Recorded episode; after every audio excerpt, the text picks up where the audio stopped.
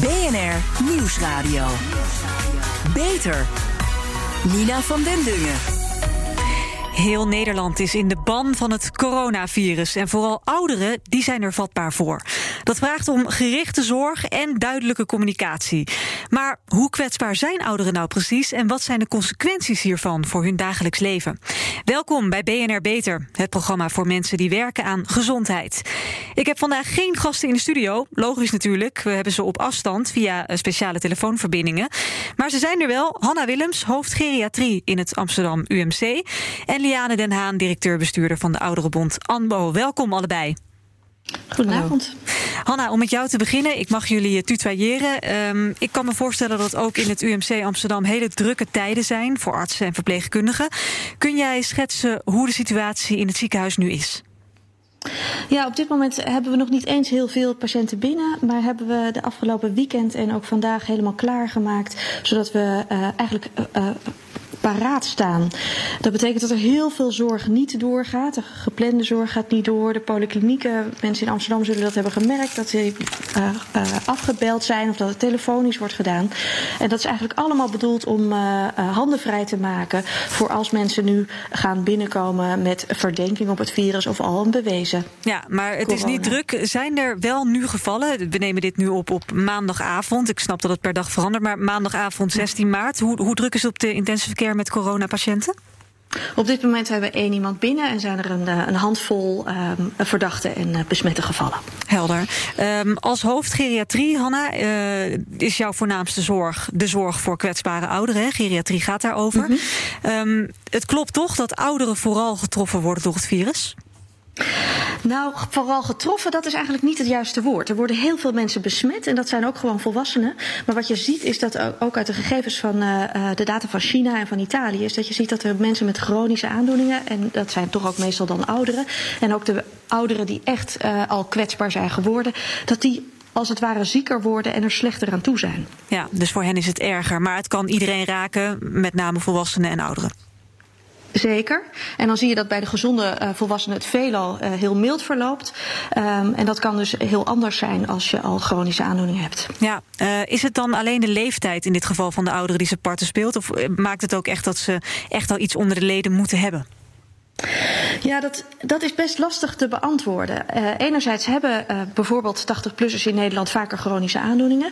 En uit de, uh, de data die we nu uit China bijvoorbeeld al hebben, hè, waar we natuurlijk heel goed naar kijken, omdat dat toch een beetje is wat wij ook verwachten dan hier, zie je dat die mensen natuurlijk vaker chronische aandoeningen hebben en dan verloopt het weer slechter. Maar het is niet zo dat alleen de ouderen um, meer vaker ernstig geraakt worden. Ook de jongere mensen met al chronische aandoeningen. Dus als je het mij vraagt, ligt dat vooral aan wat hebben ze al onder de leden en hoe is hun algehele conditie, hoe is hun biologische ja. leeftijd. En het overlijdensrisico daarbij, want ik kan me voorstellen dat kwetsbare ouderen uh, misschien nog wel een hoger, uh, grotere kans hebben op overlijden dan jongere kwetsbaren.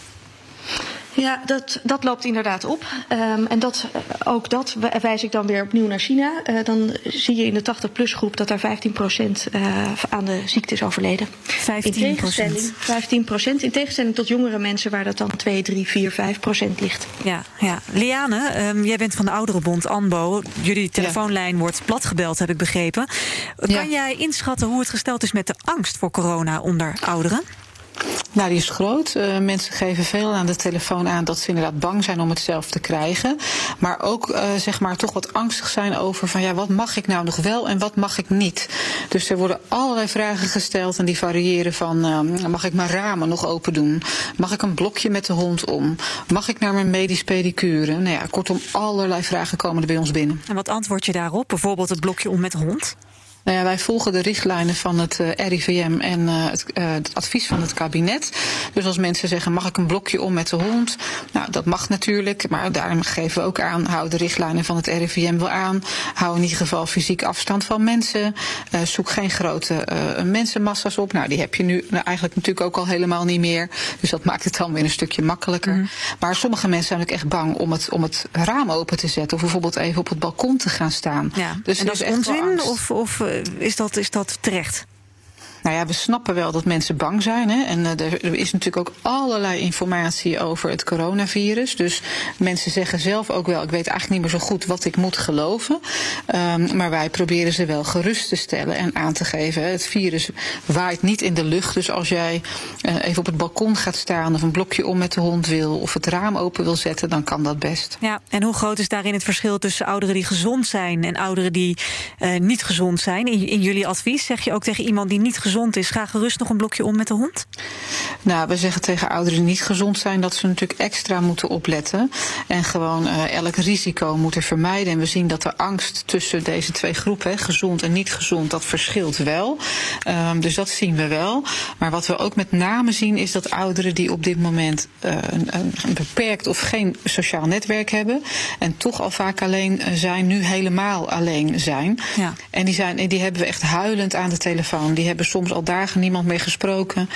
Uh, en die zijn echt heel verdrietig en die weten eigenlijk niet meer zo goed hoe het nu moet. Dat lijkt me heel heftig ook, ook als, als degene die de telefoon beantwoordt, om dat, om dat mee te maken. Ja, ik heb uh, zelf het afgelopen weekend ook uh, meegedraaid. En ik moet eerlijk zeggen dat ik een paar keer toch ook wel ja, flink ben volgeschoten. En dat ook bij mijn collega's heb gezien. Je hoort dan toch ook echt wel schrijnende gevallen. Mensen zijn blij dat ze even hun verhaal kwijt kunnen. Ja. Ze mogen bij ons ook hè, van 9 tot 9 bellen. Ze mogen desnoods elke dag bellen. En wij hebben gelukkig heel erg veel vrijwilligers die ook mensen terug willen bellen. En gewoon ja, een wat langer praatje willen maken. Want mm. aan deze lijn is het natuurlijk heel druk. Dus daar heb je niet heel veel tijd. Nee. Dus dat is fijn. Maar ik heb al een paar keer echt. Uh, nou, dat je denkt, ik zou in de auto willen stappen en die mensen even een knuffel willen gaan geven. Maar ja, dat mag niet. niet. Nee, we kunnen, geen, niet, we kunnen nee. niet knuffelen. Nee, we, we komen hier zo nog even op terug. Uh, weer even naar jou, Hanna. Op dit moment mm -hmm. kijken we allemaal ook naar Brabant. Hè, omdat daar natuurlijk wel de, de host van de besmettingen was. En dus ook de ziekenhuizen echt overbelast raakten. Er liggen dan al meer dan 100 patiënten daar in elf ziekenhuizen. Hè, een deel ook op de intensive care. Heb jij contact uh, met, met artsen daar, hoe, hoe het daar gaat? Ja, er is vanuit de beroepsgroep wel contact. Um, en maar binnen het Amsterdam UMC heb ik die rol niet. Uh, want we moeten natuurlijk ook waken dat we niet alleen maar gaan bellen. Uh, we moeten natuurlijk ook gewoon aan het werk blijven. Ze hebben wel wat anders te doen uh, daar, ja. Ja, daarom. Um, dus maar ik je heb kijkt niet natuurlijk wel contact. van wat gebeurt daar en komt dat misschien ook onze kant op? Wat kan je daarover zeggen? Nou, dat, dat is al gaande. Hè. Als je op de RIVM-site kijkt naar het kaartje van de besmettingen, dan zie je elke, elke dag eigenlijk dat het land wat blauwer uh, bolletjes krijgt. En dat het optrekt van uh, de zuidelijke provincies nu richting uh, de Randstad en het noorden. Dus die besmettingen komen er wel aan. Ja, en ja. De, jullie zeggen al, je bereidt je daarop voor. Maar hoe doe je dat? Ja, wat ik vertelde net al, de, de, de zorg die gangbaar is in een ziekenhuis wordt eigenlijk allemaal afgeschaald. Dus de geplande operaties worden voor een heel groot deel uh, nu niet gedaan.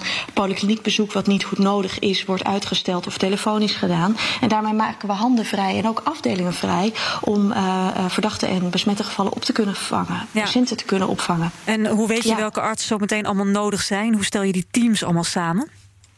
Ja, we maken uh, lijsten van mensen die uh, ervaring hebben op de IC om op de IC uh, extra te kunnen invallen. We hebben een hele lijst van mensen met voldoende ervaring voor de interne geneeskunde, met voldoende ervaring voor longpatiënten. Dus we zijn heel grootse roosters aan het maken. We zien dat we normaal gesproken vanuit de interne geneeskunde in het Amsterdam UMC met een dagdienst en een nachtdienst eigenlijk werken. Mm -hmm. um, nou, nu staan er drie volledige teams 24-7 klaar. Dus we hebben ja. verdrievoudiging van, van de handen. En dat is ook nodig, want uh, we verwachten dat dat uh, nou, binnen enkele dagen ook, ook in Amsterdam en in de Randstad zo zal, uh, zal gaan gebeuren als dat in de afgelopen weken in Brabant is geweest. Hoe weet jij, um, althans weet jij hoe het er op de intensive care in Brabant aan toe gaat, zoal? Nee, ik heb geen, uh, uh, zelf geen contact daarover uh, gehad. Dus niet, ik weet niet meer dan wat er. nee, want ik denk natuurlijk aan die Italiaanse toestanden die we eerder hebben gezien. Waarbij op de IC sommige mensen gewoon niet behandeld kunnen worden. omdat er simpelweg te weinig handjes zijn om dat te doen. Hè, een, een, verpleegster die een noodkreet uitdeed van. wij bepalen hier wie leeft en, en wie er overlijdt.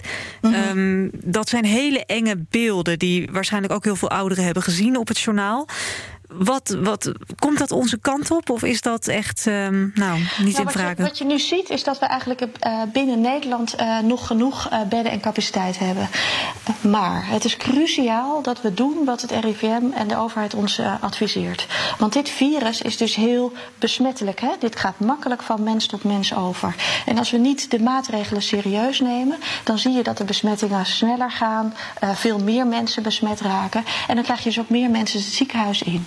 En wat in Italië gaande is, is eigenlijk dat die besmettings uh, piek, hè, de, de, uh, dat de besmettingen zo snel zijn gegaan dat de ziekenhuizen het niet meer kunnen verwerken. Ja.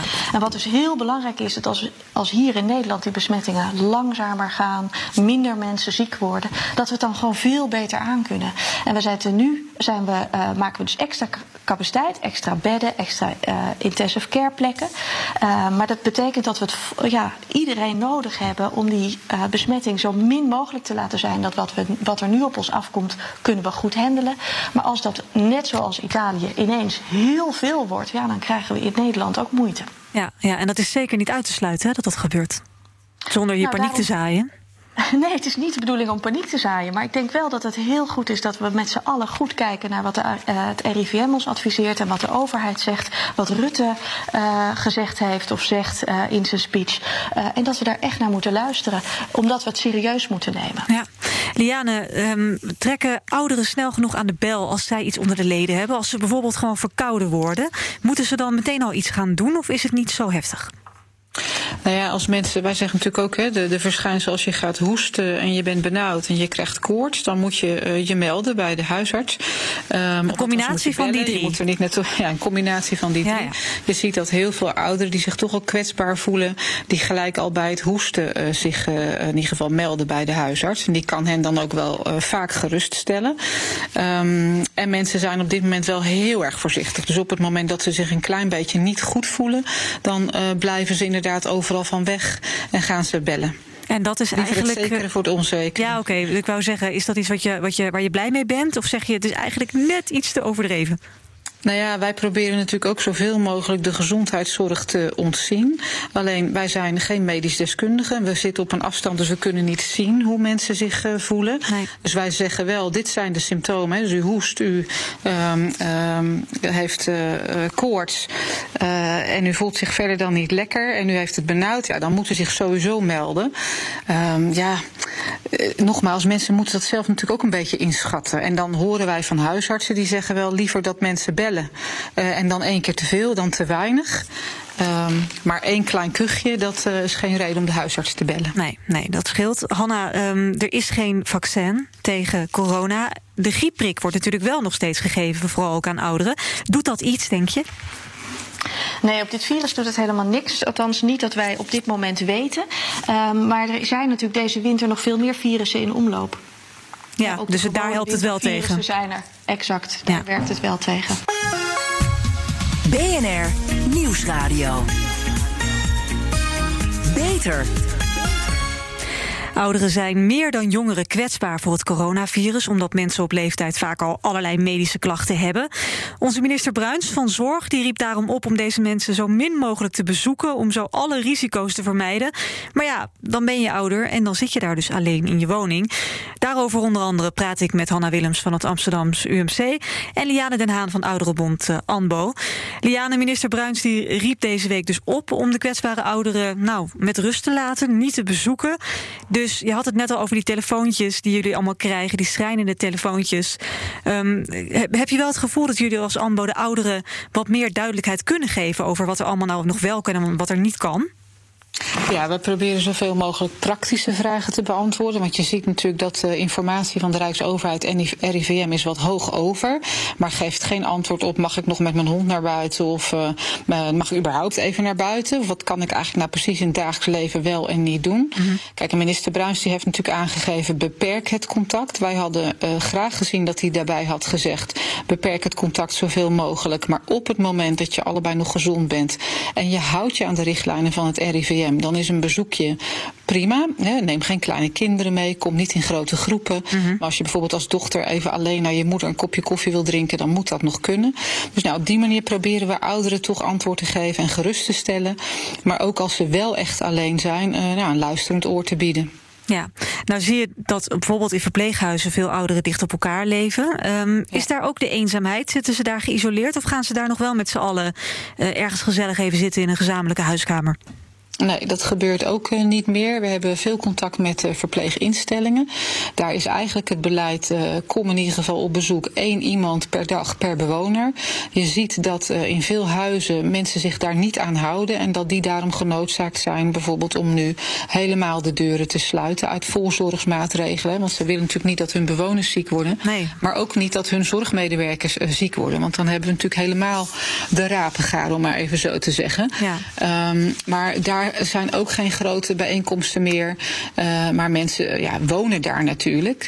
Uh, en in die woonsituatie probeert men wel zoveel mogelijk de dagelijkse gang van zaken te blijven doen. En ja, in een verpleeghuis hebben mensen nog aanspraak. Maar je ziet dat mensen thuis echt helemaal op zichzelf aangewezen zijn. Ja, dus de eenzaamheid in de verpleeghuizen, die is goed het hoofd te bieden. Um, op allerlei manieren. Maar voor de mensen alleen thuis is het een ander verhaal. Wat kunnen wij dan als familie, vrienden, buren doen om te zorgen dat ze niet vereenzamen? Maar je wil ook niet dat ze ook maar enig risico lopen om via mij dan iets op te lopen. Nee, nou ja, wat je kunt doen is in ieder geval veel bellen. FaceTime. Een heleboel ouderen weten ook hoe ze dat moeten doen. Of beeldbellen.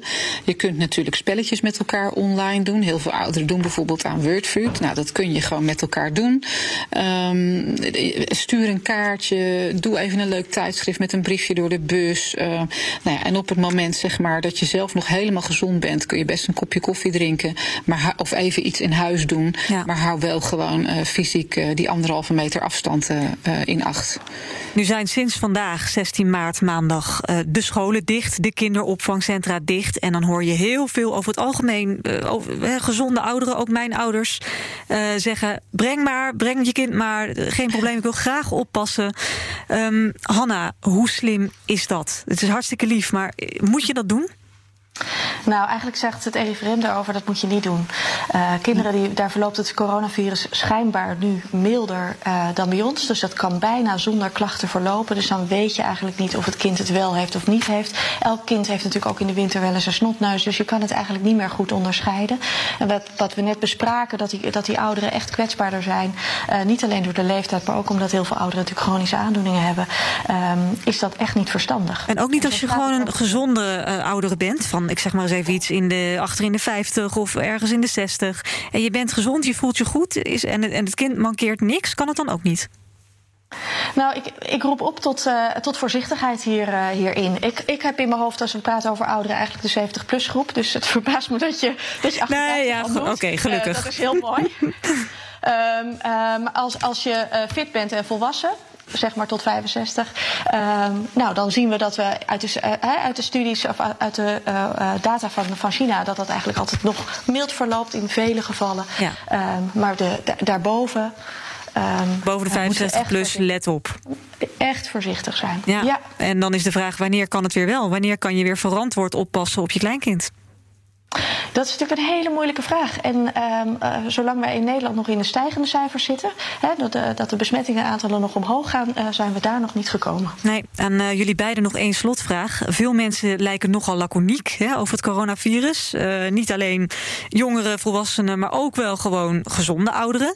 Die zeggen, nou, een griepje, dat kan ik wel hebben. Hoe kunnen we hen nou wakker schudden dat dit echt iets anders is? Liane. Ja, dat is natuurlijk heel lastig. Wij proberen ook inderdaad aan te geven dat het, een, dat het echt heel gevaarlijk is. En dat je echt moet luisteren naar de minister-president en het RIVM. Uh, zij zeggen dit niet voor niks. Als je naar het nieuws kijkt en je ziet toch alle ellende in Italië. Hè, waar een verpleegkundige zegt, ja, op de intensive care wordt bekeken wie wel en wie niet kan blijven leven. Mensen gaan alleen dood. Het is verschrikkelijk. Dat willen we met elkaar niet. Dus nou, neem jezelf nou in acht en loop geen risico. Hanna, nog een aanvulling? Ja, ik denk dat het enerzijds klopt dat je een beetje laconiek kan zijn over wat het coronavirus bij de meeste mensen doet, want het verloopt mild. Maar reken dan of onthoud dan dat de maatregelen om het coronavirus niet te snel door Nederland iedereen te laten besmetten van belang is, met name voor de kwetsbaren in onze samenleving, maar ook voor de capaciteit die we hebben in de ziekenhuizen. Mm -hmm. uh, dus niet zozeer het, de persoon zelf die gezond is, uh, heeft een groot risico. Maar ons land en onze kwetsbaren in dat land zijn ontzettend gebaat met dat we de maatregelen die nu worden gepropageerd, die de overheid en het RIVM nu uh, zeggen dat we moeten doen, uh, ook echt gaan uitvoeren. Hanna Willems, hoofd geriatrie in het Amsterdam UMC. En Liane Den Haan van Ouderenbond ANBO. Hartelijk dank en heel veel succes de komende tijd met alle drukte die het coronavirus met zich meebrengt. Zorgvernieuwers. Onze zorgredactie die speurt altijd naar interessante medische innovaties binnen en buiten de muren van de universiteiten. Waar wordt er aan gewerkt en wat moeten wij daar dan over weten? We blijven dan natuurlijk wel even bij het coronavirus, want talloze mensen worden getest op besmetting met het virus. En dan is het fijn dat er zo snel mogelijk duidelijkheid komt of je besmet bent of niet. Het farmaciebedrijf Roche heeft een test ontwikkeld waarmee het virus sneller kan worden ontdekt. Ik spreek met directeur Esther de Roy. Goedenavond, hoe werkt deze test precies? Ja, goedenavond. Ja, hoe werkt deze uh, test precies? We kijken in dit geval echt naar het genetisch materiaal van het virus. Want dat kunnen we het snelst opsporen. Want als we moeten wachten op antilichamen, dat komt nadat je echt geïnfecteerd bent, dan duurt dat te lang. Dus we kijken echt, is het virus aanwezig? En zo werkt, het, uh, werkt de test. Die vermenigvuldigt het genetisch materiaal en dat nemen we waar. Maar het is dus wel nog de oude manier van afname. Dus dat je zo'n heel lang staafje van een centimeter of tien, heb ik begrepen, in je, in je keel krijgt om slijmvlies uh, af te nemen? Ja, ja, je kan het inderdaad oud noemen, maar het is gelukkig geen bloedafname en andere invasieve methodes. Dus het is uh, wat dat betreft redelijk vriendelijk ook voor de patiënt. Uh, even een wangslijmvlies en uh, we kunnen al met dat materiaal aan de slag. Ja, en jullie zeggen het kan dus een stuk sneller. Waarin zit hem dan die tijdswinst? Ja, die tijdswinst zit hem voornamelijk ook in de volledige automatisering uh, die deze test heeft. Dus normaal gesproken hebben we eigenlijk eenzelfde techniek, maar dat wordt nog heel handmatig uitgevoerd. Dus elke stap moet echt door een uh, lab uh, technician gepipeteerd worden. En dat is, komt heel nauwkeurig. Je moet echt goed opletten ook dat je in het juiste puntje zit te pipeteren. Maar dit wordt, deze test wordt compleet door een machine uitgevoerd. En dat mhm. betekent dat tot het moment dat je het sample zeg maar, in het machine zet, tot aan de resultaten is er eigenlijk geen enkel persoon bij betrokken. Het wordt volledig door machines gedaan. En dat gaat daardoor dus heel snel. Ja, ja. en is dit nu al op grote schaal beschikbaar, deze test? Gaat dit de wereld over en kunnen we veel sneller dan iedereen opsporen die besmet is? Nou, iedereen, dat zou inderdaad fantastisch zijn. Uh, maar inderdaad, de, de, vraag van de hele wereld is enorm op dit moment. Ik, ik, ik denk dat je dat ook wel kan voorstellen. Uh, dus we zijn uh, enorm onze productie gaan opschalen gelijk. Dus we kunnen tot, tot 400.000 tests in ieder geval voor de Europese regio beschikbaar stellen. Per wanneer? dat betekent nog steeds per morgen. Wow. ja, precies, wow. dat betekent nog steeds wel dat we natuurlijk de testen moeten onderverdelen naar de verschillende landen. En dat zullen we op de meest eerlijke manier en ook in samenwerking met de WHO eh, gaan doen. Lastig, want een ja. eerlijke manier als in je kijkt naar ja. uh, hoeveel besmettingen op, op hoeveel personen per land en dan de grootte van, van elk land of zo? Ja, dat zal uh, inderdaad een onderdeel van die verdeelsleutel zijn, uh, verdeelsleutel zijn. En daarin willen wij inderdaad als bedrijven ook echt heel erg graag uh, met, de, met de overheden de discussie voeren. Want dat, ja. is veel eerlijker dat de overheden hier een beslissing kunnen nemen en niet wij. Ja.